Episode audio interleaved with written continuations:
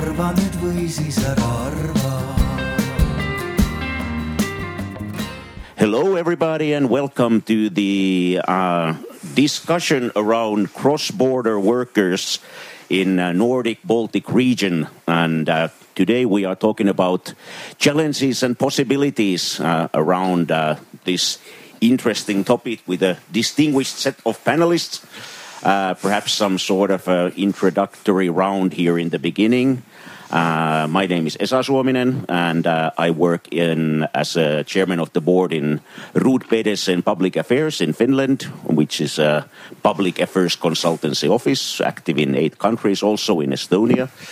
And happy to be here in Arvamus Festival in this lovely setting today. And uh, we are discussing this uh, working working life related uh, topic today with uh, member of the European Parliament, Marina Kaljurand. Welcome from the Thank Social you. Democratic Group. Uh, then we have uh, Mr. Reijo Paananen uh, from Nordic In, which is the Nordic Organization of Industrial Workers or Unions of Industrial Workers. So how would you? Close enough. Close enough. Close enough. Yeah. Thank you. And then we have Tuulikki Poom. Welcome. Thank you. Uh, HR manager from ABB. Yes. And and then uh, last but not least, uh, uh, Mr. Sten Andreas Ehrlich. I, I, I, I practice this. He's Deputy Secretary General on Labor and Employment Policy in social Sotsiaalministeerium. Yes, Hello, it's very complicated. but excellent. And today we are talking about discussing about the the cross worker cross border working and perhaps also other uh, issues and trends around this uh, international labor market. And but like uh, I would perhaps want to uh, start with uh, with a little bit more like a personal item like. Uh, have panelists like I know that panelists, at least some of them, have already are working themselves in international organizations or might have history uh, working abroad. Like, uh, what kind of personal experiences have you had, like from cross-border or international labor market? Perhaps, like if Marina wants to. Well, well, so thank you for the question, but I think that I've always been in a really privileged position because I have worked abroad as a Estonian diplomat, as a Estonian ambassador. So I can't say that I can compare it with the normal work of the of the other workers. But my first posting abroad was to Helsinki. It was 1996 to 1999. And you can imagine what was happening then. We were still issuing visas. There were lots of Estonians working uh, illegally in Finland. Uh, there were several consular cases. So I think that I have seen the topic, let's say, from the very, very first days it evolved in the 90s and to the final, uh, final stages and also with the impact of COVID. Reijo. Yes, um, I have had the pleasure that in all my work assignments, I have had um, international affairs included, which means that going abroad and uh, dealing with people who are not from Finland uh, has been very natural. Um, then I had the possibility, both my uh, foreign experiences where I'm actually working uh, in a foreign country, um, uh, they, they, are, they are very positive experiences because I have been able to choose myself. I was not forced. Now I have to get my living somewhere. I, I had possibilities. Um, uh, I, I, I was just before you in the European Parliament, not as an MEP, but working uh, as an official there for three years. Um, okay, Brussels at that time, in the last part of 90s, it, it wasn't the most pleasant place, but you could you could get uh, very nice points, and it was very international atmosphere.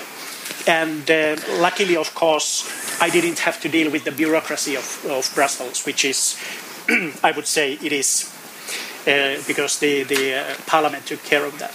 But now, for the last four years, I've been working in, in Sweden for, as, as, uh, as I said, uh, for five Nordic countries, and um, uh, actually dealing mostly with European issues and, and global issues.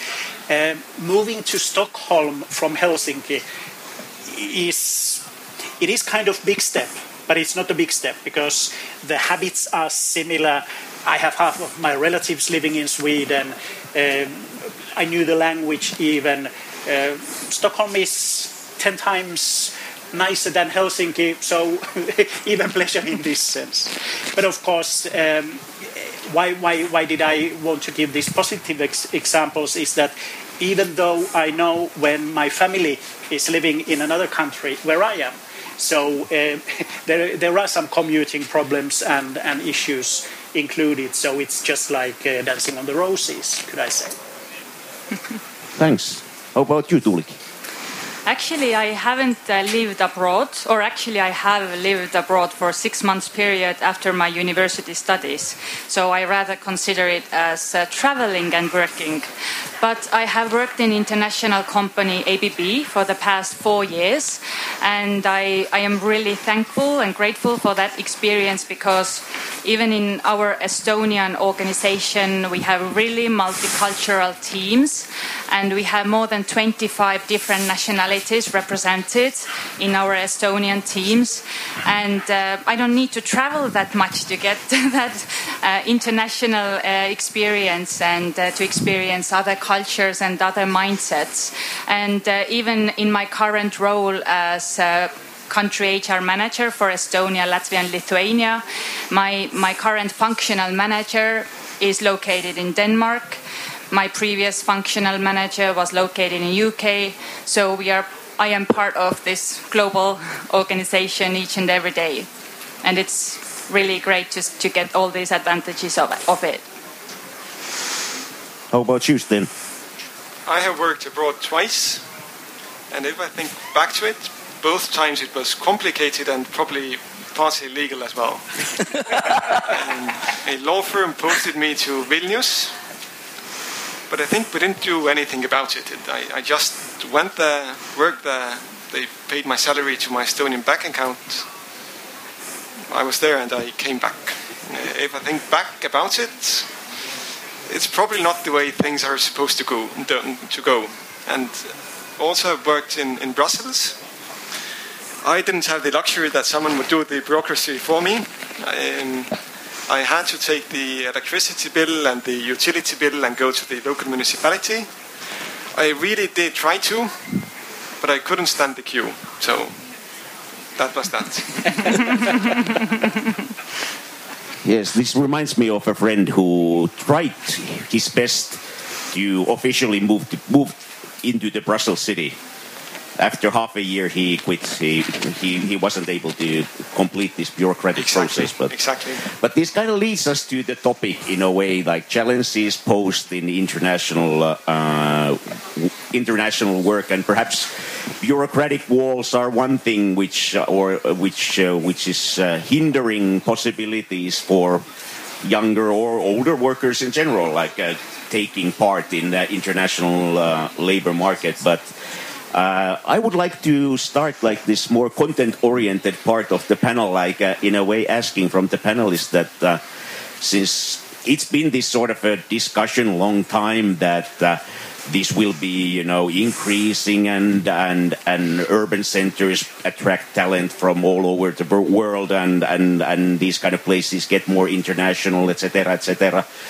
But now with the COVID pandemic entering like one and a half years, so we are actually seeing more work from distance, work from home, work from summer place, work from wherever. Uh, do you think this will change the bigger picture?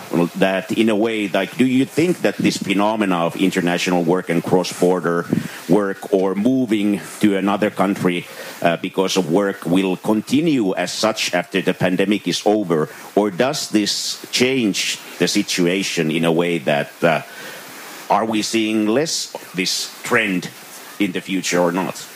How would if we start like if we a little bit switch? So perhaps we start with Reijo now. Well, to answer your question shortly this time, yes and no. it will change partly. There was the first panel today in this in this tent uh, was about the uh, new generation work habits, and it was totally, totally, um, talking about platform economy and uh, um, that kind of work-oriented uh, population or generation who doesn't want to commit themselves for a long time for one job, even for one employer. But in this sense, it may change if there is, and in, in this panel, the key word was if there is a trust from the employer side to trust that, okay, I want you to do this job and the time limit is this. I don't care when you do it, I don't care where you do it, but this is the work assignment. Let's do it. If this changes, yes, there will be.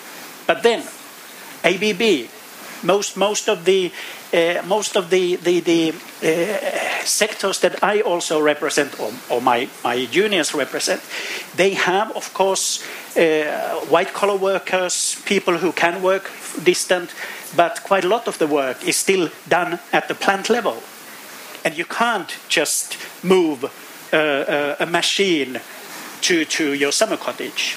It has to be done there. So, so when talking about will it change, we have to kind of remember all the time what kind of work we are talking about. Mm. Um, it's a big question, of course, but yes, I would start maybe from uh, from ABB perspective. Currently in Estonia, we have around 1,300 employees, and about 800 of them are working in in the factories or they are, they are process engineers who need to support assemblers on daily basis, or they are engineers who need laboratories. They cannot take those huge laboratories full of really uh, high-tech uh, equipment home to their home offices. So we also have two type of uh, employees: uh, white collars, blue collars. Most majority of our our white collars have been working remotely for the past 18 months or how long has it been already? And, uh, and what we see from different surveys is that uh, about 70 or 80 percent of our employees also wish to continue working at least partly remotely. And it is more common also for our office employees to work uh, fully remotely from their like summer house or, or just really countryside, uh, it's important that they have internet and nothing else is important. But majority of our positions still need uh, uh, like uh, collaborating with colleagues and we really like if you're engineer, we really want to encourage more people to come back to the offices because I truly believe in collaborative learning. You can just, hey, you know it. Uh, you were you were like senior engineer. Maybe you can help me out. I have some technical challenge here. So we really hope that more people will come back to the offices and. Uh, not stay at home offices because we also see the mental issues. Uh, we, are, we are providing psychological support to our employees, and we see more burnout due to multitasking at home offices, handling all these different roles. So uh, many people are expecting uh, this home office to stay, but uh, many people still wish uh, to come to the offices quite often to socialize and to to have the, those uh, social talks. But if the if the first uh, question uh, uh part was if these uh, urban cities continue merging the international labor force, then I actually think that for the uh, international labor force there will be no changes because international talents they wish to come to bigger cities where they have more better career opportunities. Uh, they can choose among a wider selection of, selection of different employers, different sectors, better. Um, access to, to healthcare in English and other languages, uh, international schools, and so on. So they still wish to have uh, to work and live in, in larger cities. And actually, in Estonia, I would say that if you don't speak Estonian or Russian, it's really difficult to find a good job outside of uh, bigger cities for foreigners because majority of the companies they still don't have English as their working language, and the, the it sets quite many limits. Yeah. Thank you. Very interesting response. How about what Sten do you think about this? There's a study on a similar topic by Ricardo Hausmann from Harvard Growth Lab. And what he asks is um, that before COVID pandemic, every year the world globally was investing, I think it was 1.5 trillion dollars every year to international business travel. And now we're not doing it. We're doing it all via Zoom, Teams, Skype, whatever. And he asks, was it all to waste? Did we really waste 1.5 trillion dollars every year before the pandemic? And he argues and studies this, uh, but comes to conclude that no, it was not to waste because face-to-face working, a is necessary in some jobs, as Tuulikki pointed out, but also when you work face-to-face, uh, you have better connections, you communicate with people on a different level. And this is not going to go anywhere. So my bet would be that if the travel restrictions go away, probably we're going to go back to, to traveling and working abroad rather soon. Of course, probably officials won't be traveling between the capitals and Brussels every week um, anymore, but perhaps we'll still go once a month. Uh, so it will stay. Yeah, this is an interesting idea that, okay, if we, we keep the important things and then, you know, and then that, that's at least what the international company I'm working with, like clearly the sort of things that, uh, like the pandemic taught us the value of this face-to-face sort of uh, dialogue when you try to create something. But then if you just fly people over to tell them what to do, so that's waste of natural resources, money and time. So, but remains to be seen. How about how do you view this from the how do you Marina view this from the EP side or from your personal experience? Uh, well, a lot of uh, right things were said, and I'm not going to repeat it. And yes, you're right. European Parliament has its opinion on everything. so, in preparation for today's panel, I looked into the resolution that we passed a couple of months ago on the cross-border working, but also it was seasonal working. And the numbers say that the number of cross-border workers in in the EU is how big? Any guess? How, how many percent of population of the EU? Just shoot. 5.5. Okay. Seven. Yeah, 18. 18. 18. We have 18% of working force in the EU is already cross-border. So maybe we do not realize how much we have it. And I think that as long as we have differences in salaries, as long as we have differences in social benefits, it will continue. I know Estonian families who moved to Sweden to work just because the social benefits for their uh, children with special needs are much better than in Estonia. So it's the reality. Mm. And I think that COVID 19 has showed it very clearly how vulnerable those people are, how easy it is to stop cross border working for, let's say, not the most essential workers. Everybody wants Estonian doctors to work in Helsinki but not so much bus drivers or constructors. So I think it will, it will stay there. As to, as to the movement to the big cities, yes, I also agree it will continue. But I also think that COVID 19 showed the privilege or the benefits of countries like Estonia. Uh, I came today from Hiiumaa, where I have a summer cottage in a small village. And in the small village, I'm not going to say the name, but we have we have a couple of Finns, we have a Danish businessman, we have a Swedish architect, we have very different people in the village, and they all depend on internet which is really bad and poor at the moment. So, if Estonia wants to grab some part or be important in this labor market, we have to work on the digital connections, on internet connections, because that will be part of the future work anyway.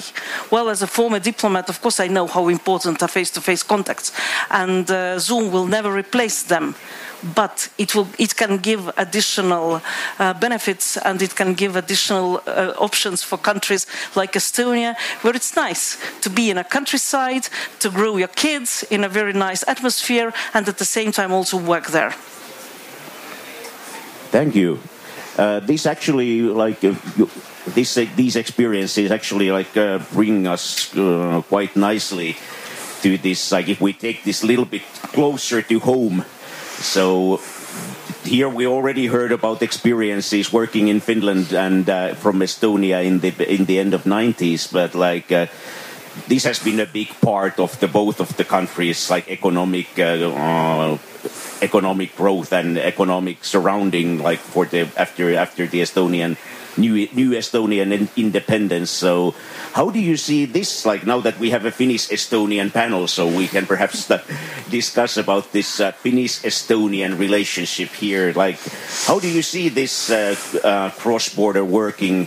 Uh, developing between these two countries in the future. Like now we have seen perhaps more, you know, Estonian uh, Estonian workers uh, in many different fields coming to work in Finland, in specialist professions, but also you know co construction sites and and things like this. And then again, little bit, you know, entrepreneurs perhaps moving their site to Tallinn from Helsinki or from other other parts of Finland. So if we think five years, ten years from now, so what kind of flow of people will we see here? And uh, so far, it's been like majority Estonians going up north, but now when Estonia is rapidly taking taking Finland, you know, like or catching Finland in economic growth, so do we see this turning at some point, or do we see differences in what kind of people would come from Finland to work in Estonia in the future? I don't know, but like, do the panelists know? we perhaps start with Tuulikki here. Well, uh, we we have quite many uh, Finnish colleagues in in Estonian organization as well, uh, mainly in uh, in managerial roles, but uh, in other roles as well. Uh, in general, I think that IT sector is uh, very attractive for uh, Finnish uh, talents, and they are really willing to relocate to Estonia because the salaries are pretty much the same, but the net income is better and the living costs are smaller, and uh, they really consider Tallinn as a, a, great place to be. So I think that for IT sector, we already see quite quite positive trend. Um, what is concerning is that currently Finland is taking away our doctors and medical specialists uh, because of the salary gap, as uh, Marina also mentioned. So uh, this most likely will continue due to due to aging society and uh, uh, and the life and, and the increase of uh, of life expectancy. So most likely this trend will continue unless our government decides to um, increase the salaries in in medical care sector. Uh, if, if I just think about the, the, the, blue, um, the blue collars, um, most, most blue collars uh, wish to, to rather move to, to Finland. Uh, and what is worrying is that uh, most foreign uh, talents, uh, blue collars, they also rather move to Finland due to higher salaries. so Yes, it is. Currently, it's like more like one one way, more more, more to Finland, where the salaries are, are higher. But for IT positions and uh, uh, and for uh, really specific uh, complex roles, um, I see some top talents moving to Estonia as well, where the salaries are comparable. Yeah. I think statistically speaking, uh, there already have been years where immigration from Finland to Estonia has been bigger than migration from Estonia to Finland. But of course, this is statistically speaking because it's Estonians coming home. Yes, exactly. It's Estonians coming home. Um, but if the question is, are we going to arrive in a situation where Finns are coming to Estonia? I think this is also already true. First of all, in the IT sector, but secondly, if you go to Estonian universities, especially Tallinn Technical University, in some buildings, all you can hear is Finnish and I guess Tartu Med School being probably the other one. I, I guess so. Yes, and that's our fifth faculty where we train doctors. well, you see. But for some reason, they leave after the studies, and, and we would like to hire them, but they they or, they already come here with a plan just to graduate university and then leave. I think Why? this is something we should work with. Yes. How to keep the the university students who, who have studied here in Estonia. And it's not only concerning the Finns, it actually concerns people from all nations in the world. And probably there they have hindrances that you, Tuulikki, mentioned earlier. How do I find a doctor who, who speaks uh, Finnish or English? How, how do I find a school that's uh, non Estonian or Russian? Things like this that, practically speaking, are, are very, very important. Now, about Estonians going to, to Finland, I think to be realistic, Estonia is not going to catch up with Finland either in terms of GDP or, or salary in the next years. The gap is simply too big. If you compare the, the GDP growth, the salary growth in Estonia to that of Finland, yes, we're catching up, but it's going to take many, many years to, to reach the level. And some forecasts are even saying that perhaps uh, we're going to stall at, at one point and, and the gap will remain there for, for a longer period of time. However, it is true that the living cost in Estonia, uh, in, in many places, is lower than the living cost in, in Finland. And I think that in some industries it already makes sense to, to work in Estonia because the salary might be lower, but the costs in Estonia are, are also much lower. Uh, yes, uh, a lot has changed since 91. If we look at the picture, of our bilateral relations and cross-border working, as I said, mid mid of 90s, it was mainly illegal workers without social benefits, without fair salaries. That was the reality. But people were so eager to earn money, to uh, bring money back to their families. Now, 30 years later, the picture has changed already. I'm not naive. I don't think that everybody who is working in Finland is doing it legally. Unfortunately, there are also illegal workers. But I think that the number is decreasing. So, yes, in the next 20, 30 years, I think there will be more changes. Uh, I have not looked into the topic, so I, I, I, have to, I have to agree with Sten that we will not catch up 100% Finland at some point. But there will be other factors that will play. Uh, IT sector was mentioned, education was mentioned, uh, IT solutions that will be also discussed in the next panel. I think they will unite us more. Nature, forests. I know that uh, Finland is also very rich in natural resources and nation forests, but still, these things might come into place. And I see more and more retired people from Finland who want to spend their uh, retirement uh, summer months in Tallinn, winter months in Spain for us, it's an extremely good uh, news because it will give additional jobs, it will improve our social uh, social schemes and social benefits. So uh, I'm a strong believer in free movement of, uh, of all the four free movements of the EU. And I really do think that maybe we will have the tunnel, if not in 20, 30 years, at one point, and we will be more like a twin city with very good connections. Helsinki is the closest city to Tallinn. Uh, before COVID, uh, we had 23 boats daily uh, commuting between our capitals. So it's really close. And I think that on both sides of the, uh, of the, of the Läänemere, Baltic Sea, we can find uh, benefits and that, that bring people closer to work. What worries me is that I'm not sure that the political scene in Estonia uh, it, it very much depends on what is the political scene in the country. How are politicians, how are people treating foreigners? For Finns, it's easier. You look very much like Estonians. Yeah, we are, we are, we are relatives.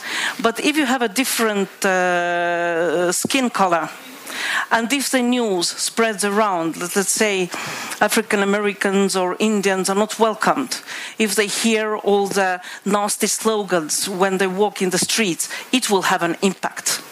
So uh, I, uh, I, I, know that I'm the only politi politician in this panel. I don't want to make this topic political, but we have to take also that into account that it might have a very big impact if people of other, other, other religions, other nations, other nationalities do not feel it comfortable to live here in Estonia. Thank you, Reijo. But the issue is highly political as well because. Uh, you referred quite rightly to, to some social benefits and, and uh, consequences as well, because uh, I, I, make it, it, you made it easy for me, Tuulikki, because I, I, I will sign your statement immediately. I totally agree. I, we have the same analysis. And, and therefore, I, I, just make a couple of comments to what Justin said. Uh, immigration flow may have changed, but the commuting flow is not changed. And, uh, and if we take it in a bigger context, that you commute once in a week from Tallinn to Helsinki and once back. Some people do that daily in Finland, like for instance those uh, for for Esa beloved Turku who who come to Helsinki to work. They make it daily. Take take uh, take Stockholm, take New York, two hours per day for for uh, traveling to work. It's nothing. So the commuting, I, I suppose, to trying to answer your question, the commuting flow will continue and may even grow. And then we come to the to the social consequences. Uh, uh, Finland is very keen on taking your doctors and, and well-educated people, yes. But how could it how could it does that development for Estonia? It's not good. It's not necessarily good. Uh, and, and the last point, actually, for, for the social uh, social security point, because it is in the in the core of these issues. Uh, I'm, I'm uh, also a, a, a, fan of uh, free movement, to, to, be, to, to be clear. But uh, if you move to Estonia, yes, the living costs are lower and the salary is, uh, is, is, lower, but then you more or less has to spend also your pensioning age here in Estonia, because then living, uh, moving back to Finland with the Estonian pension, that's more or less impossible. So you you are kind of making very uh, serious decisions on on on how will you conduct the rest of your life after living in a very nice environment and, and low costs. Just just making a couple of points. Yeah, thanks. Then, as a comment. Yes, I want to reply about um, Estonia losing on doctors going to Finland. Um, don't quote me on this. I, I, I, I now instate a Chatham House rule, but I would argue that perhaps Estonia does not lose when our doctors go to work in Finland. And so on two grounds. One ground is uh, uh, from economic stand, standpoint. Economic standpoint, doctors who work in Finland, and I know a few of them. Many of them spend their weekends here in in uh, Estonia. They have an apartment here they invest in Estonia. They they spend the money here in Estonia. Perhaps it's uh, we should treat it as an export article of, of uh, exporting our talents to Finland and getting the money back. And of course, yes, we need doctors in Estonia as well. But uh, I know many examples in, in Estonian hospitals where people who have worked in Finland, who have had many great experiences there, come back to Estonia and do the surgeries here because they couldn't learn these things in Estonia because the caseload was simply too small. One personal ex example I know from uh, PERH uh, is that I think PERH is now introducing the Finnish way of, of intensive care, uh, run by a doctor who worked for a long period of time in Finland. I think this is brilliant. We're, we're learning, we're doing better. So yes, of course, my colleagues in the Ministry of Social Affairs are, are very angry of, with Estonian doctors moving to, to Finland but I am not. yeah, there's a difference between brain circulation and brain drain in a yes, way, that, exactly. that, and that's basically the what we're talking. Very good point, Marina. Yeah, I just wanted to add: why do Estonian doctors go to Finland? Because Finnish doctors have gone to Sweden. So, which means that, and Swedish doctors have gone where? To Germany, and German doctors were to the United States. So it's not only Estonia, Finland, the picture is much wider. So maybe we can learn also from the experience that you have had between Finland and Sweden, because uh, how it has evolved, what impact it has had. I'd like very much mm. our cross border working look very much like you have already with your other Nordic neighboring countries. I guess, like the, from the Finnish point of view, this chain is very much evident in construction sites, where you know where where basically well. Finnish constructor, Finnish builders don't go anywhere though, but like their work is being done by Estonians, and then I guess it's Belarusians who or Ukrainians, Ukrainians who come here. so we got to circulate people upwards. Uh, but this also brings us to a point like, uh, and let's talk about these different branches of, of workers or like, uh, we are talking like first perhaps we could talk a little bit about like uh, the topic which everybody discusses about which is attracting top talent internationally. But as we know cross-border working is a very very how to say now multifaceted phenomena in a way that uh, it's not only the ICT people or you know gaming developers but it is bus drivers it is cleaners it is uh, uh, all sorts of professions who, and, and people who are needed and who move. But uh, if we start from this sort of uh, uh, uh, talent attraction, everybody in Europe is talking about, which is the top talent immigration. Like, uh, are we succeeding? Like, let's say we like in in perhaps like if we if we take we shouldn't be, we perhaps would not talk about Europe in a whole, but uh, if we talk about Finland and Estonia or this Nordic Baltic region, so are we succeeding at the moment in this uh, international or global race from the top talent? And uh, and uh, what what do you see as our best advantages in this race? And but and then again Marina also mentioned that there are challenges. So how do you see which are like the best uh, which are our best assets and which are our, where are our biggest challenges if we talk about attracting top talent to the growing companies? There are different studies on this. What do top talent seek? My favorite one says that the number one thing is clean air. And I guess there we have an advantage. But the problem is that most of the studies also say that talents are looking for A, tolerance, B, they are looking for um, accessible systems, doctors who speak English, schools that are in English language, social systems that they can understand, and C, they're looking for connections, ability to travel. And all of these three things, I think, unfortunately, need to be developed here in Estonia. I guess they're much, much better uh, in Finland. Yeah, I, I, agree with what Sten said because look at the map. We're periphery of Europe. I'm talking about Estonia. We're periphery of Europe with really bad connections. So yes, that's the reality. Where we are good, I think we are good with very low corruption. Okay, let's split with the left shoulder. Uh, let's say until until until recently or until these days, Estonia has been uh, known for very low corruption, uh, not much bureaucracy and I would also argue that during the 30 years, uh, the convenience of living of foreigners has also changed.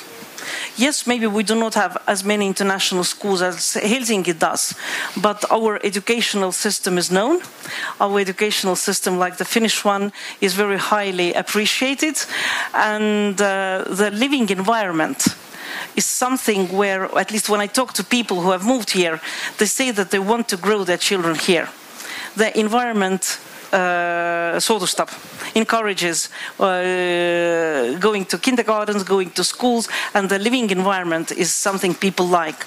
So, uh, low corruption, not much of bureaucracy, living conditions, good environment, these things can also have an impact on why people want to come. Of course, the size is a problem because even we are so proud of I don't know IT startups operating in Estonia, or at some point they leave their R and D or something here but they have to leave because the market is so small. And what worries me is that they do not go to Helsinki, they do not go to Berlin, they go to Silicon Valley. So definitely we are losing today to Americans. So now coming from the European perspective, I do hope that all these political documents and all these promises about digital transformation, green transformation, that they will really take place and we will be able to, to gain. Because for Estonia, it's easy. We are so dependent on the EU. The better EU is doing, the better for us, the better for each and every person in Estonia. Mm. So livelihood, slow corruption, less low on bureaucracy. How do we match this, Reijo? um, but uh, don't forget the tolerance. Mm. Uh, tolerance both Ma yes. Marina and, and Sten, you, you refer to these in different parts, but anyway, uh, because yes, we do have these good assets. I, I, I, I fully agree with that. And, and therefore, there, you, you have to think about the thing that we don't have. And we in Finland, and as you described, uh, partly even in Estonia, we don't have the tolerance. If I think about the life when I was a politician, and I went around the, the, the country in Finland, and I listened to people who were who were screaming how the foreigners are coming here and taking our workplaces. Mostly in municipalities where there was not a single foreign people. But they were worried about those who come somewhere else and do something. And and okay, if if a foreigner moves to Helsinki, they don't need to bother this unless it grows to a big populistic movement, like being in Finland the second biggest at the moment. So uh, then it is a problem. Also, also in Estonia, second Yeah, biggest. Then it is a problem, and and uh, you you can't change this immediately. No, of course you can't. Uh, but you have to you have to really think how how can you get the talents moving to this kind of environment and if they face it how can you still see that say that okay you don't have to care about that. We, we will take care of you. I think this may be one of the biggest problems. Yeah, like times in politics kind of teach you to handle these things. Like it's a Schrödinger's immigrant at the same time doesn't work and steals your job. yeah So, so this is this is a phenomenon often often uh, encountered in uh, in in these fields. Did you already have a possibility to say? I was thinking that it's your turn. It's my turn, yes. If I just think about the uh, strengths and in general, have we succeeded? I would say that five years back we were succeeding very well. Uh, Estonia had really good reputation of being like European Silicon Valley. Now, by now we have uh, seven start, uh, unicorn companies. This is also quite attractive for many global talents. They they see that things happen in Estonia.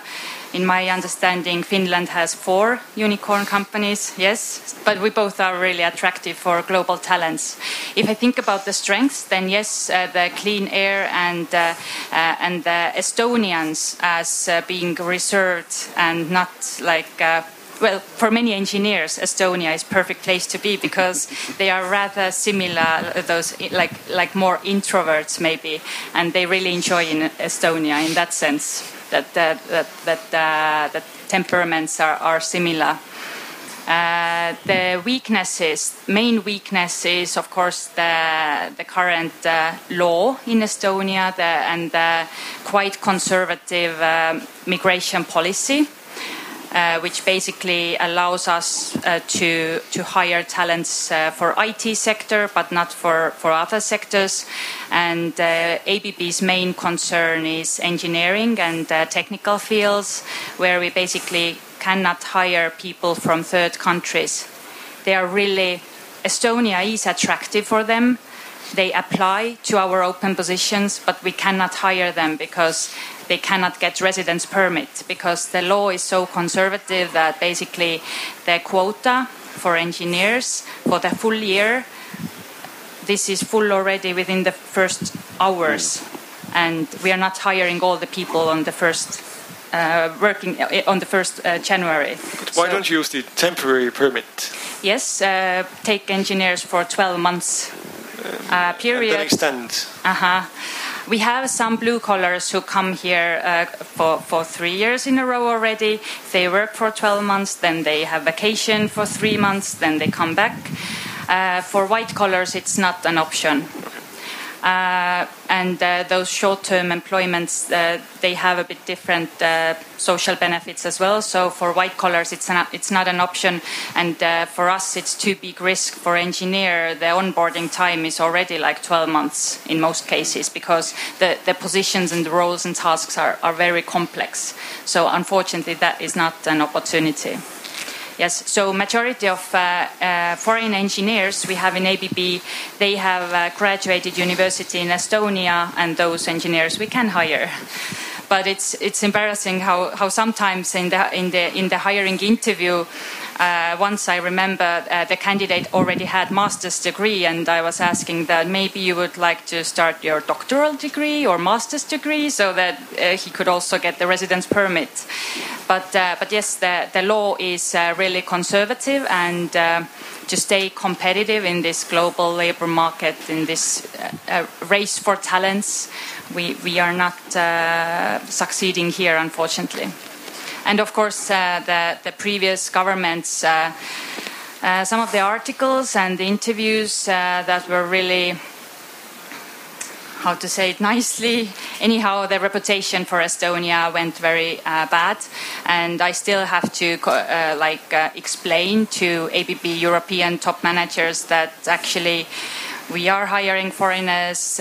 what is related to LGBT uh, that we, we accept everyone and they can come to Estonia, everyone are accepted uh, and welcomed. So we still need to work uh, on that. Reijo has a comment and Marina also has a comment. Just, just uh, to comment on Sten, yes, um, you may even in Finland get people working on temporary basis, but what I have understood, especially during these four years working with them, uh, also, engineers tend to be people, human beings. Some of them have wives or husbands, children, parents, and you just say, okay, let's rip our family for 12 months and let's see what's happening after that. From a third country outside the EU. It's not also so easy. So we have to. Absolutely. We have to yeah. remember that as well. Uh, I just wanted to make a small comment on tolerance. Uh, I, th- uh, I think that in Estonia we have double standards here. Because on one hand, it's okay to go to work in Finland, but it's not okay if somebody comes to work in Estonia. And it's, it's, it's even interesting that those people who work in Finland, we call them Kalevipojad, yeah? Mm-hmm. Those who are the workers in Finland, they are the ones who support the most restrictive rules for uh, foreign workers, especially coming from the third countries.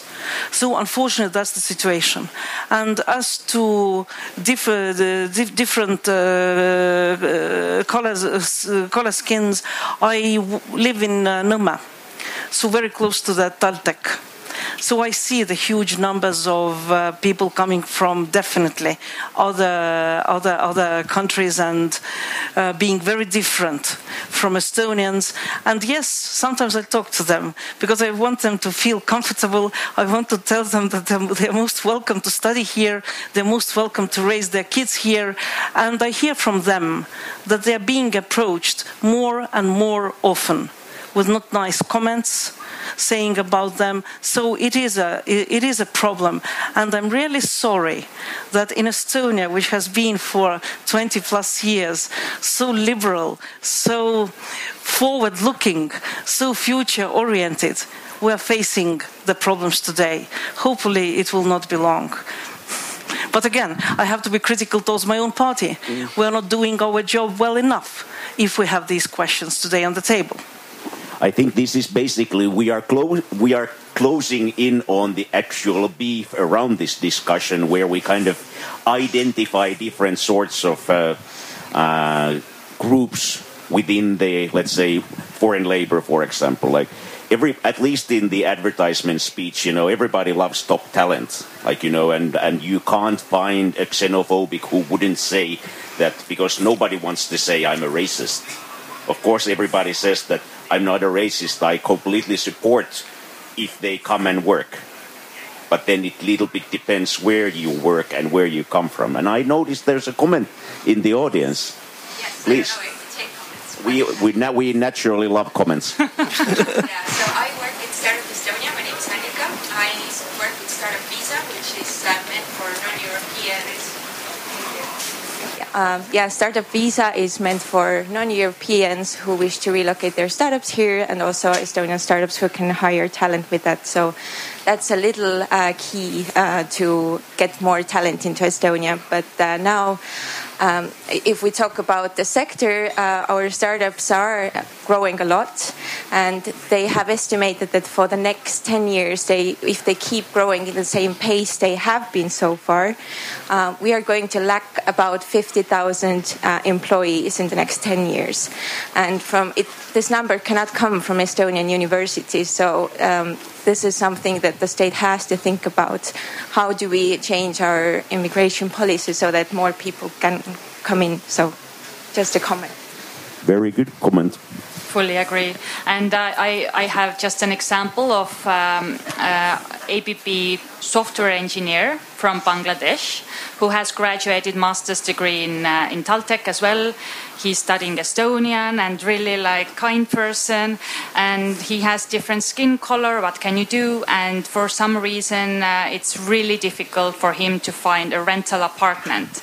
And he said that uh, was it 16 or 26 rejection letters or rejections uh, were sent out that like like locals don't want to rent apartment to foreigners although he sees his future in estonia speaks some estonian already has graduated university here and uh, for, for, for, for these challenges we are now using uh, uh, some partner companies who can find some apartments for rent for our uh, uh, colleagues. Just yeah, but it, it like kind of tells yeah, a story yes. when you kind of need that Yes, sort of yes, service. Yes, and one example from another engineer who is also from Asia. I don't remember the country exactly, but uh, banks are not giving the bank loan uh, to the home loan to, to or even the car lease. So they have different kind of challenges. But yeah, this actually brings us to this beef that since uh, I think it was a German politician, was a German Social Democratic Chancellor who once said that uh, when they imported Gastarbeiter from from Turkey, and which was which was basically this sort of like come here and build the cars and then please go home, was the fact that we wanted labor force, we got people like they started to live and uh, and and and uh, and like immigrated to the country where we now see like a lot of different kinds of professions being filled with cross-border workers or international people. So we, how do we solve this issue when some part of domestic uh, like let's say people who like uh, already live here see these newcomers as a threat in a way like either from you know this sort of identity issues that or or a nationalist cause or then that okay these people pose a threat to me in the labor market. If there is a lot of inflow of uh, people abroad so that will mean that the salaries don't go up as fast or i might get unemployed because they will hire somebody who is able to or willing to work in a lower salary etc etc how do we tackle this? What are you? How do you? How do you see that if we are to find fifty thousand people in Estonia in ten years, so okay, these people might come to professions where you don't have Estonians taking up these positions, but this is perhaps not how the general population in Estonia or in Finland sees the issue. They might consider this sort of this sort of discussion as a threat to themselves or their thinking or their way of life and how do we how do we work with this issue? I think this is one of the key beefs of this conversation. How would marina start? Uh, well, first of all, I think that we have to take all the concerns very seriously. It's, it's, it's not a solution if you say that it's not a problem, don't worry about that. If a person worries about a foreigner taking his or her position, coming to work for lower salaries, yes, we have to take it very seriously. There are things that can be done on a political level. For example, in Estonia for years, we had problems with some Polish companies who were sending here uh, international workers who worked for uh, who, whose living conditions were awful and who did not have any social benefits and who worked for small salaries. So first of all, we have to fight with those illegal companies because I think it's important that uh, we should not be against migration, but we should be against illegal migration. So we have to do everything to promote legal migration in accordance with our rules, even if, if they are at the moment too conservative and too strict. So I would argue explanation, fighting, fighting illegal migration, and I think also educating our employ employees, because still we have uh, we have our trade union here in the audience who'll be. Uh, I, I, think that maybe you'll be you'll be the best person to comment on that point, but we also have to uh, fight. Well, not to fight, but explain to our uh, employers not to pay illegally salaries, to guarantee social benefits. So there, there's a lot we can do. But I think that the most important thing is not to underestimate the concerns, but take the concerns very seriously and try to explain to people. Because it's the same with other minorities, Russians, LGBTI. Uh, I'm not against, I know that one, he's a nice guy, but I'm against everybody else. so explaining, explaining, talking, talking, I think that's the way uh, in the future educating our employees, I would just commenting. I would just like to comment that in ABB we also have had for several years already uh, training sessions for our managers. Uh, we have unconscious bias trainings so that to educate all managers uh, from top managers uh, to, to foreman level so that they would understand the unconscious biases and uh, so, so, that they would uh, know how to build those diverse teams because we are technology leading uh, company uh, uh, and uh, and we we want to have diverse teams to really uh, create innovative ideas and to, to, keep up with the speed in technology se sector. So we need diverse teams. We need different mindsets different educational backgrounds. We need more people to ask why? Why are you doing this in Estonia? In in in India, we have tried this. Have you tried it? So we need different viewpoints and uh, diverse teams. So, so we are trying to also somehow uh, to, to educate our, our managers so that they would be aware. And of course, we are educating our employees as well. So, but in ABB we can keep them in uh, in happy bubble and uh, they feel safe and they feel trusted and uh, tolerated and but if they go outside I don't. I, I, I would like them to, to feel good outside of ABB as well. Hey. I try to make it short enough, but sorry. no problem. We have time. for for the first, your question uh, is irrelevant in Finland when it comes to 85% of the labor force because of two words collective agreements oh sorry three words binding collective agreements when the trade unions and the employer organizations agree on collective agreement, that is the minimum. It's not the maximum, but that is the minimum. And you can't pay lower salary. Why there is this 15%? And this is kind of parad- paradox. They are the high, highest educated people who don't actually, part of them don't want to have a collective agreement because they feel, and the culture is that I myself am I, I am so capable, I have special skills, I can negotiate better than this union. I get better negotiation result. And therefore, there has unfortunately been Indian IT specialists, extremely highly skilled, who get paid less than the average salary of Finland, less than average, and they are highly skilled IT people, which a Finnish IT person would never ever accept. But that's legal. So in this sense, yes, it may it may happen, but then it's um, in this case I would say uh, it is a problem with the employers. Why do employers and employers organization allow that this company is using cheap labor force when we are paying better salaries? Sorry to say, but employers has a responsibility here as well. But two things which are problematic in Finland, in, in the sense of, of this uh, real question, what can we do? Uh, first problem is 1,300 kilometers, which is approximately the travel uh, from the southern point to the northern point, uh, with 5.5 million inhabitants.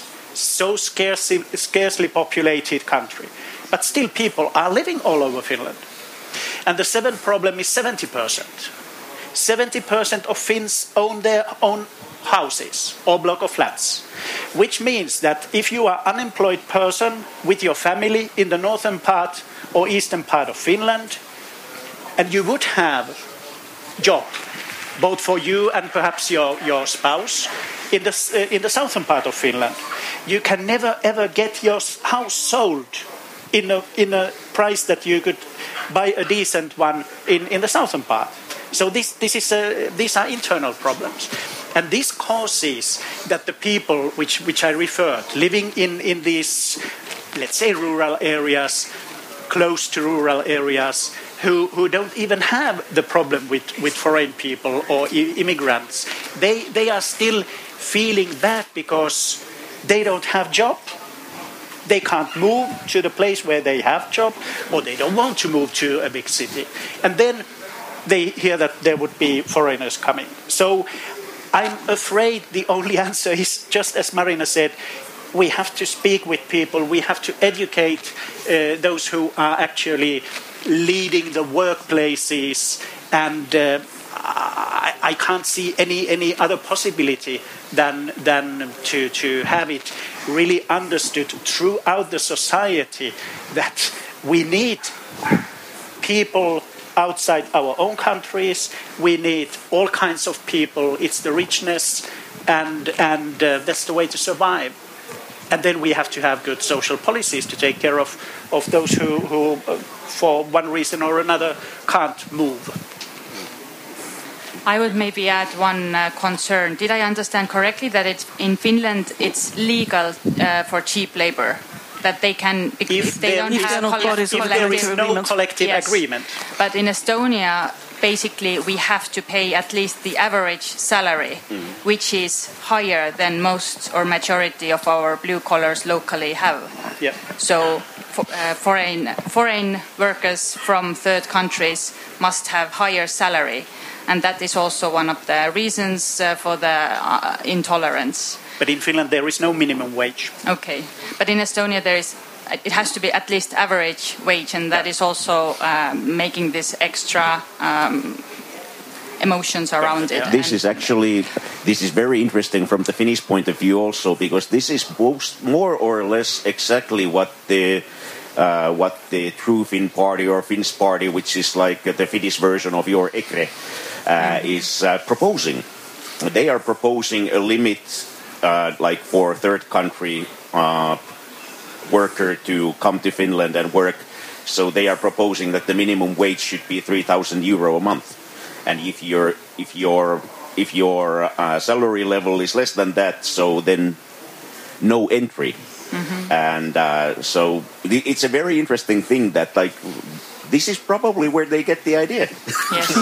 and to avoid uh, such like conflicts and uh, to have fair treatment uh, uh, basically what employers can do what we try to do we try to hire those uh, uh, foreign talents from third countries for more complex roles so that we could pay them the extra salary or the higher salary but the governmental policies should be so that we could we should move our local talents to the more complex roles so that Not foreigners could do the less complex tasks for lower salary but current uh, government go- currently the law is not supporting that at all Eh, very interesting. Sten. I would like to bring out three possible things that we could do. And first of all, I'd like to be a, a mouthpiece of Peep uh, from Trade Unions Confederation because he doesn't have a microphone. Something, I was I was planning that I will Yeah. give him the floor Yeah, after please you. do that. something that he has proposed many times, I think, is that we should set the quota of immigration in different sectors with uh, collective agreement. Um, that, uh, for example, the, the bus drivers themselves agree with employers both on the on the salary level, but also on, on how many people can can move in and work as, as bus drivers. Because in Estonia, the problem is for some reason the employers are not interested in, in collective agreements, perhaps we can solve that problem as well.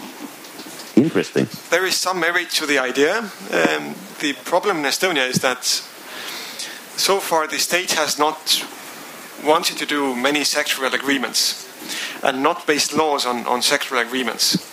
We are trying to change this with one pilot. So we're piloting um, um, basing our rules concerning working time in retail sector on a collective agreement.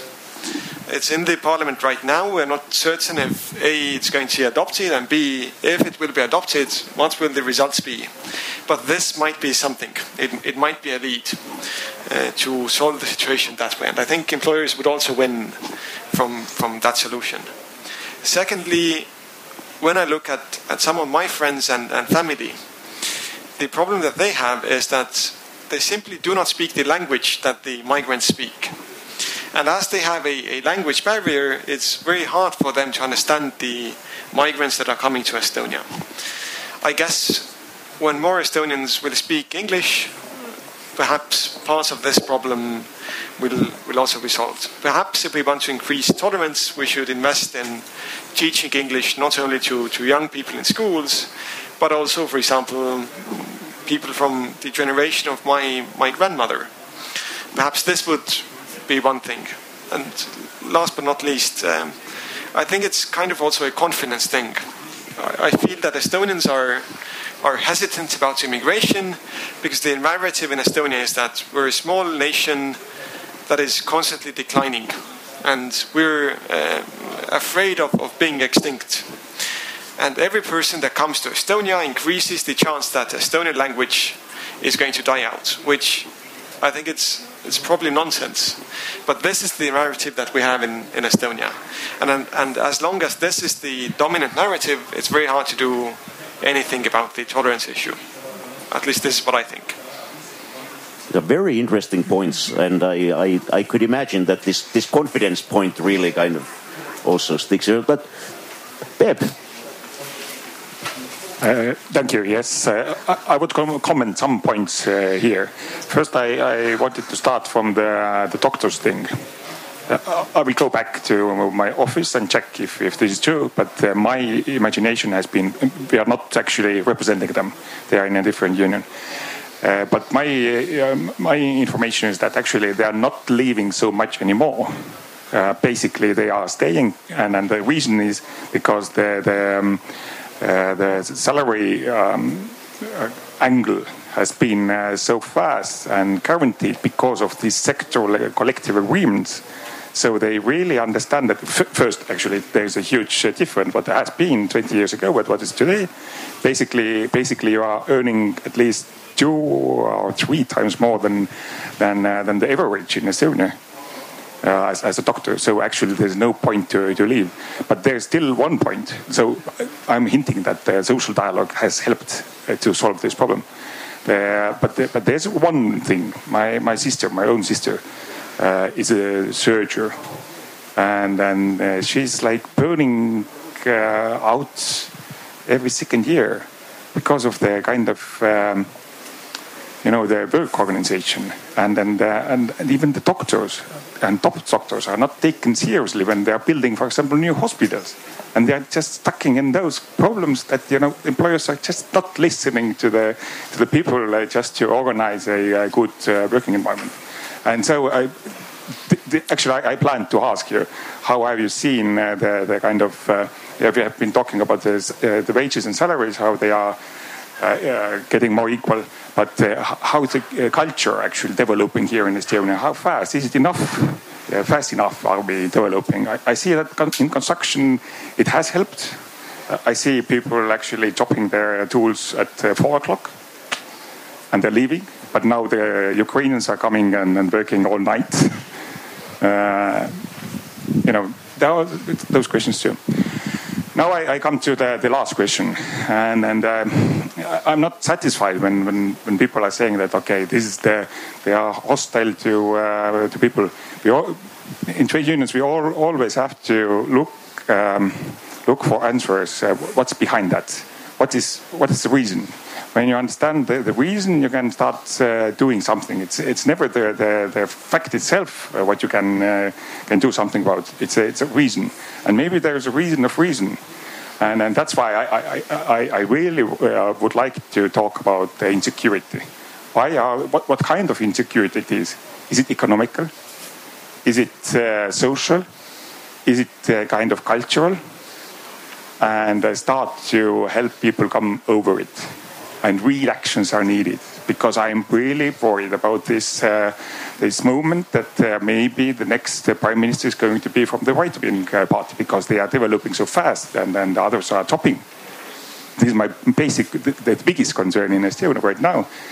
Um, and and, and, and the point is, we are actually all learning. We have seen once that okay, Trump went away. We still see that conservatives are ruling in UK. We see that AFD is is uh, quite okay in Germany we see that uh, in, in, in, Finland it has been so and so. So I'm, I'm not advertising Estonia as a racist country, but I, I invite also politicians very seriously take this, uh, this movement, think what can be done among democratic uh, parties to really um, change the situation that, that the people are afraid of something. Of, uh, something. So this is my comment. It's a very good comment. Do you do some of the panelists want to elaborate or reflect a little bit what Peep was uh, was saying? I would uh, just like to add that uh, the language barrier is a big concern. And at least in previous years, the foreign uh, talents from third countries uh, who wished to, to study Estonian, to learn the language, all the courses were full so what we did at one point, we just um, uh, paid for the courses ourselves. And it's, it's a concern that these, uh, that these language courses are not available and they are not available for free of charge. Yes, they should be, but they are very often they are not. And uh, on the other hand, it's also concerning that many of those talents come to IT sector or to some ABB global team where you don't actually uh, need Estonian to, to socialize and to, to, the working language is English, so they cannot practice Estonian anywhere. So they don't learn the language.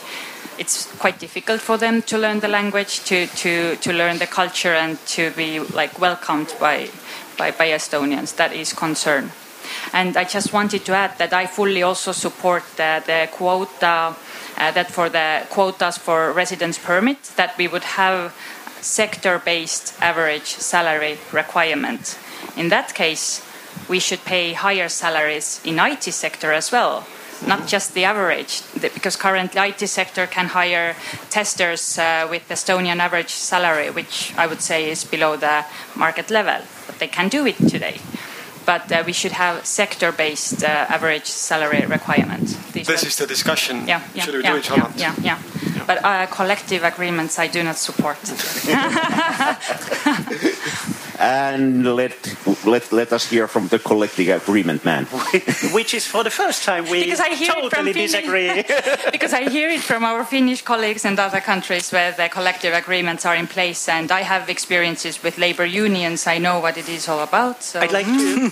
I have some experience as well with, uh, for for the labor unions. Um, I'm, I'm, referring again to the first panel in this tent this today. Uh, there was one panelist who all the time kept on saying, "No one size fits all the labor market. It can't be one size fits all." Okay, that is exactly the reason why we in the Nordic countries, we call it Nordic model, are in favor of collective agreements, social dialogue, because that's not one size fits all. That's very many sizes made to fit exactly the sector it should. And I don't know if it's a surprise for you, but the um, labor legislation in all the Nordic countries, it's quite weak. If you go by the law, legislation, when, when it comes to your summer holidays, it is not six weeks or four weeks if, if you go by the legislation when it comes to, to um, uh, maternity or paternity leave, it is not what it's agreed on the collective agreements. Legislation is very in, in, in quite low level in all the countries because it is it, it's wanted to build on the collective agreements.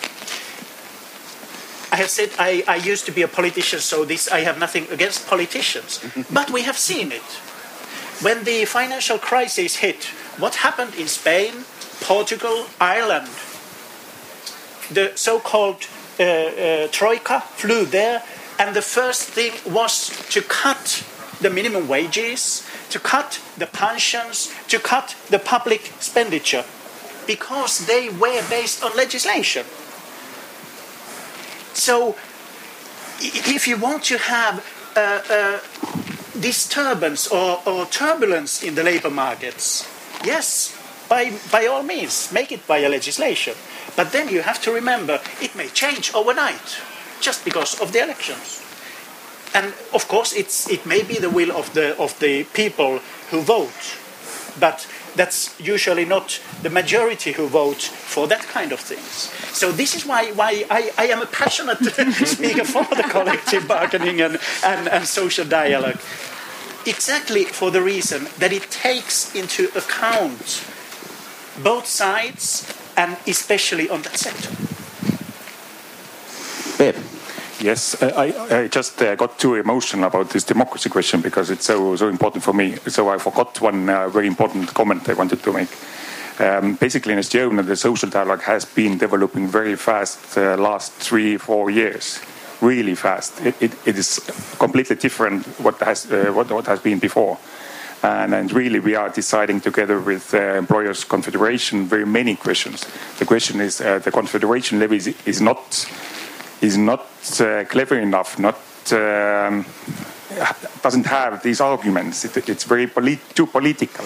So I'm encouraging to bring this uh, experience of, of, having nice uh, social dialogue uh, down to sectoral level, and I, I, recommend that in the metal sector or electronic sector, why not to meet uh, with trade unions and then get to know what are their views and really do something about it. Uh, basically, we, we, we say that everything is possible when, when, when, when people are talking. The problem in Estonia is that uh, we come from this uh, kind of uh, different, uh, different world. Um, Lukashenko, for example, says that uh, they don't need the free trade unions because himself he is actually protecting all the workers. Basically, okay, we are democracy but the idea that the, the government is protecting all, all the workers is still there.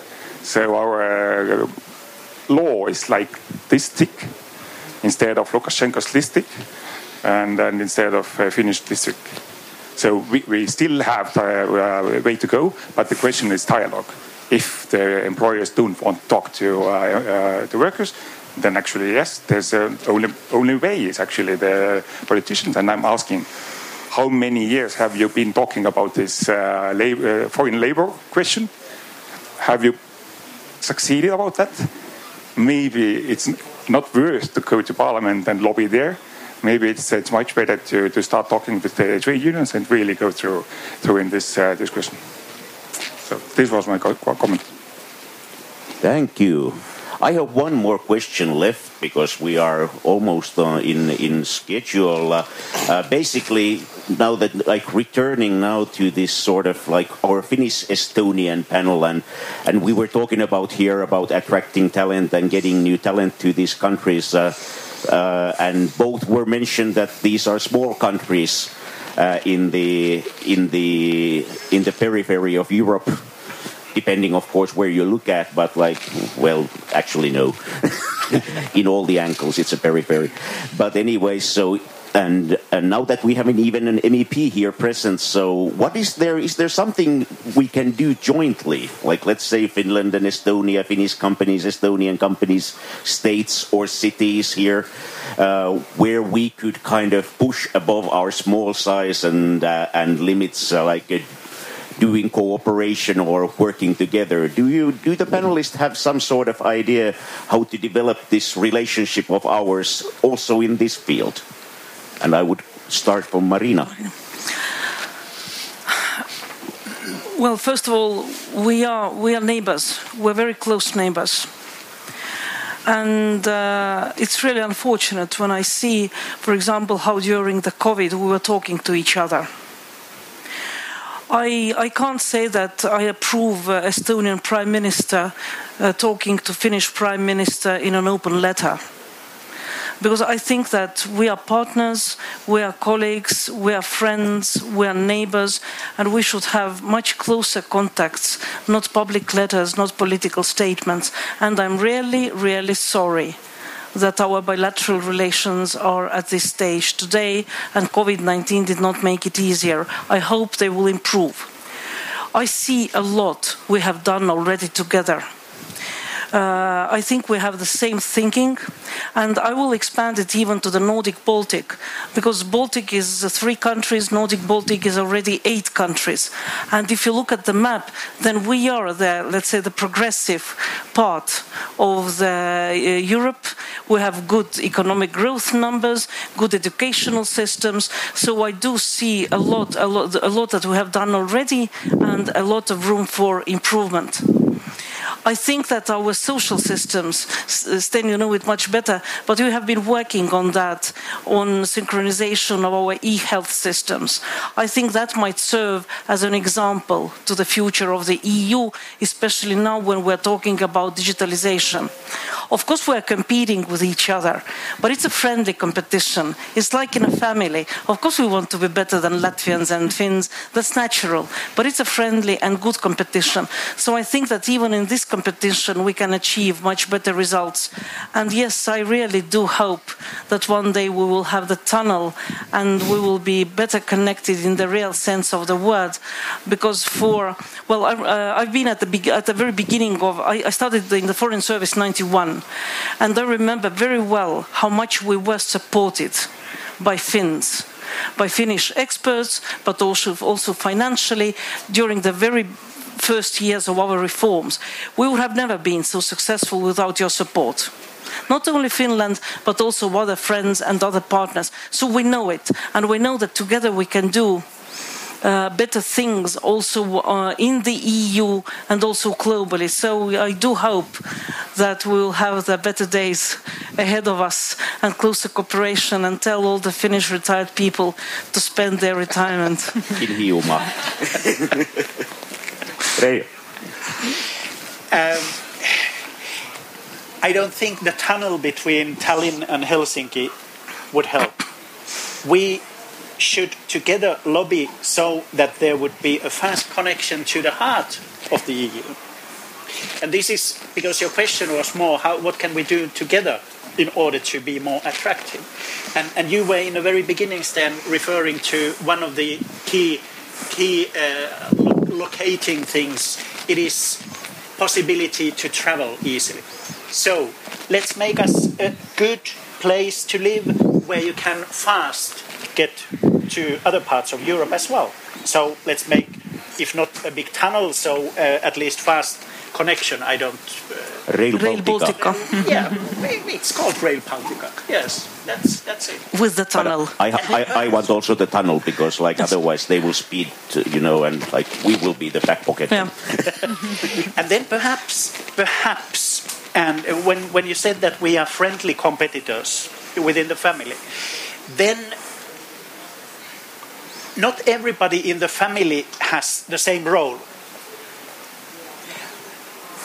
One is doing this, two is do, the other one is doing this. Of, of course, you can mix the roles as well, but it can be it can be that at some point of time it would be advisable to think what should be done in, in, in, the, in Sweden, what should be done in Lithuania, what should be done in, in Estonia. So a little bit of division of labor. It comes partly naturally, but still we are competing in exactly the same uh, issues. And of course, it's it's not easy to change it, uh, especially when you speak about production, uh, and I mean concrete production, not not just uh, not just brain brain production. So that may be one of the key issues because then it would uh, it would increase the coherence because everybody needs each other, but it would make the division of, of, of resources perhaps better just just one crazy thought. Thank you, Ray. Tuulikki. Uh, maybe just one thought, uh, one idea we could already do more today uh, is to have more uh, closer collaboration to promote IT and IT positions and uh, IT sector and IT developments and the startups. Because Tallinn, Helsinki, in Europe, like Silicon Valley. We, we, could promote it more and do more collaboration. Maybe we already do do a lot. I don't know because yes, we could uh, promote engineering together, but as the labor law is currently and the migration law is currently really uh, conservative, there's no point to to make those hiring campaigns in Asia because sorry, but we cannot hire you anyhow. But uh, but for IT, we could uh, do a lot more collaboration because uh, IT in general is uh, boosting our economy a lot, uh, creating new, really high, high paid positions, giving really uh, many, many uh, extra uh, jobs. As it said that one senior IT uh, specialist uh, is giving extra work for seven uh, lower level IT specialists. So they are bringing more jobs to Estonia. So promoting IT together with Finland as one family, that would be maybe one thing to do already now. Thank you. And, and Last but not least, Sten. Thank you. Um, I'd like to first of all comment what Marina said on relations. Yes, I agree that on the political level, the relations during COVID perhaps were not great. But at the same time, on a bit lower level, the officials were communicating amongst each other more closely than ever before there was a, a weekly discussion between, for example, the Minister of Social Affairs in Estonia and the Ministry in Finland. Uh, our minister uh, was calling the Finnish minister twice a week. Uh, I know, and, and, not only with with Finland, but also with uh, Latvia and Lithuania, concerning both migration between the countries and, and closing borders, but also, for example, um, how we're aligning our positions on, on vaccination. So things like, like this were, were going on, even though perhaps they were not evident um, to the public. Now, on, on what we could do, uh, I think we should really, really work on, on making moving from, from Estonia to Finland and vice versa as seamless as possible. Um, there are some projects going on already. Um, there's something going on in transportation making the transportation system in Tallinn and in Helsinki work with the same card. Um, it, it's a great thing to do. It's a very good idea. It's a very good idea. Uh, we're doing more or less the same in, in medicine. That you could use the Estonian ID card uh, in Finland to go to a pharmacy to, to get uh, your medicine from a Finnish pharmacy. Uh, we should do the same in, for example, social benefits. Right now, we're still using the A1 uh, formats. You have to print out a, a, paper and go with the paper to to the Finnish uh, um, Kela, I think, in, in, Finland, and vice versa in Estonia to SKA. It's not necessary. We should get our data exchange in place to make these things possible, and we're working on it. And I'm hoping we will get there at one point, but uh, this is something that should change. I want to thank the panelists for a very constructive and interesting discussion around our topic and also the active audience, both the startups and the trade unions. Like here we are collaborating now. There's a social dialogue going on. Uh, thank you for the audience and let's give our panelists a round of applause.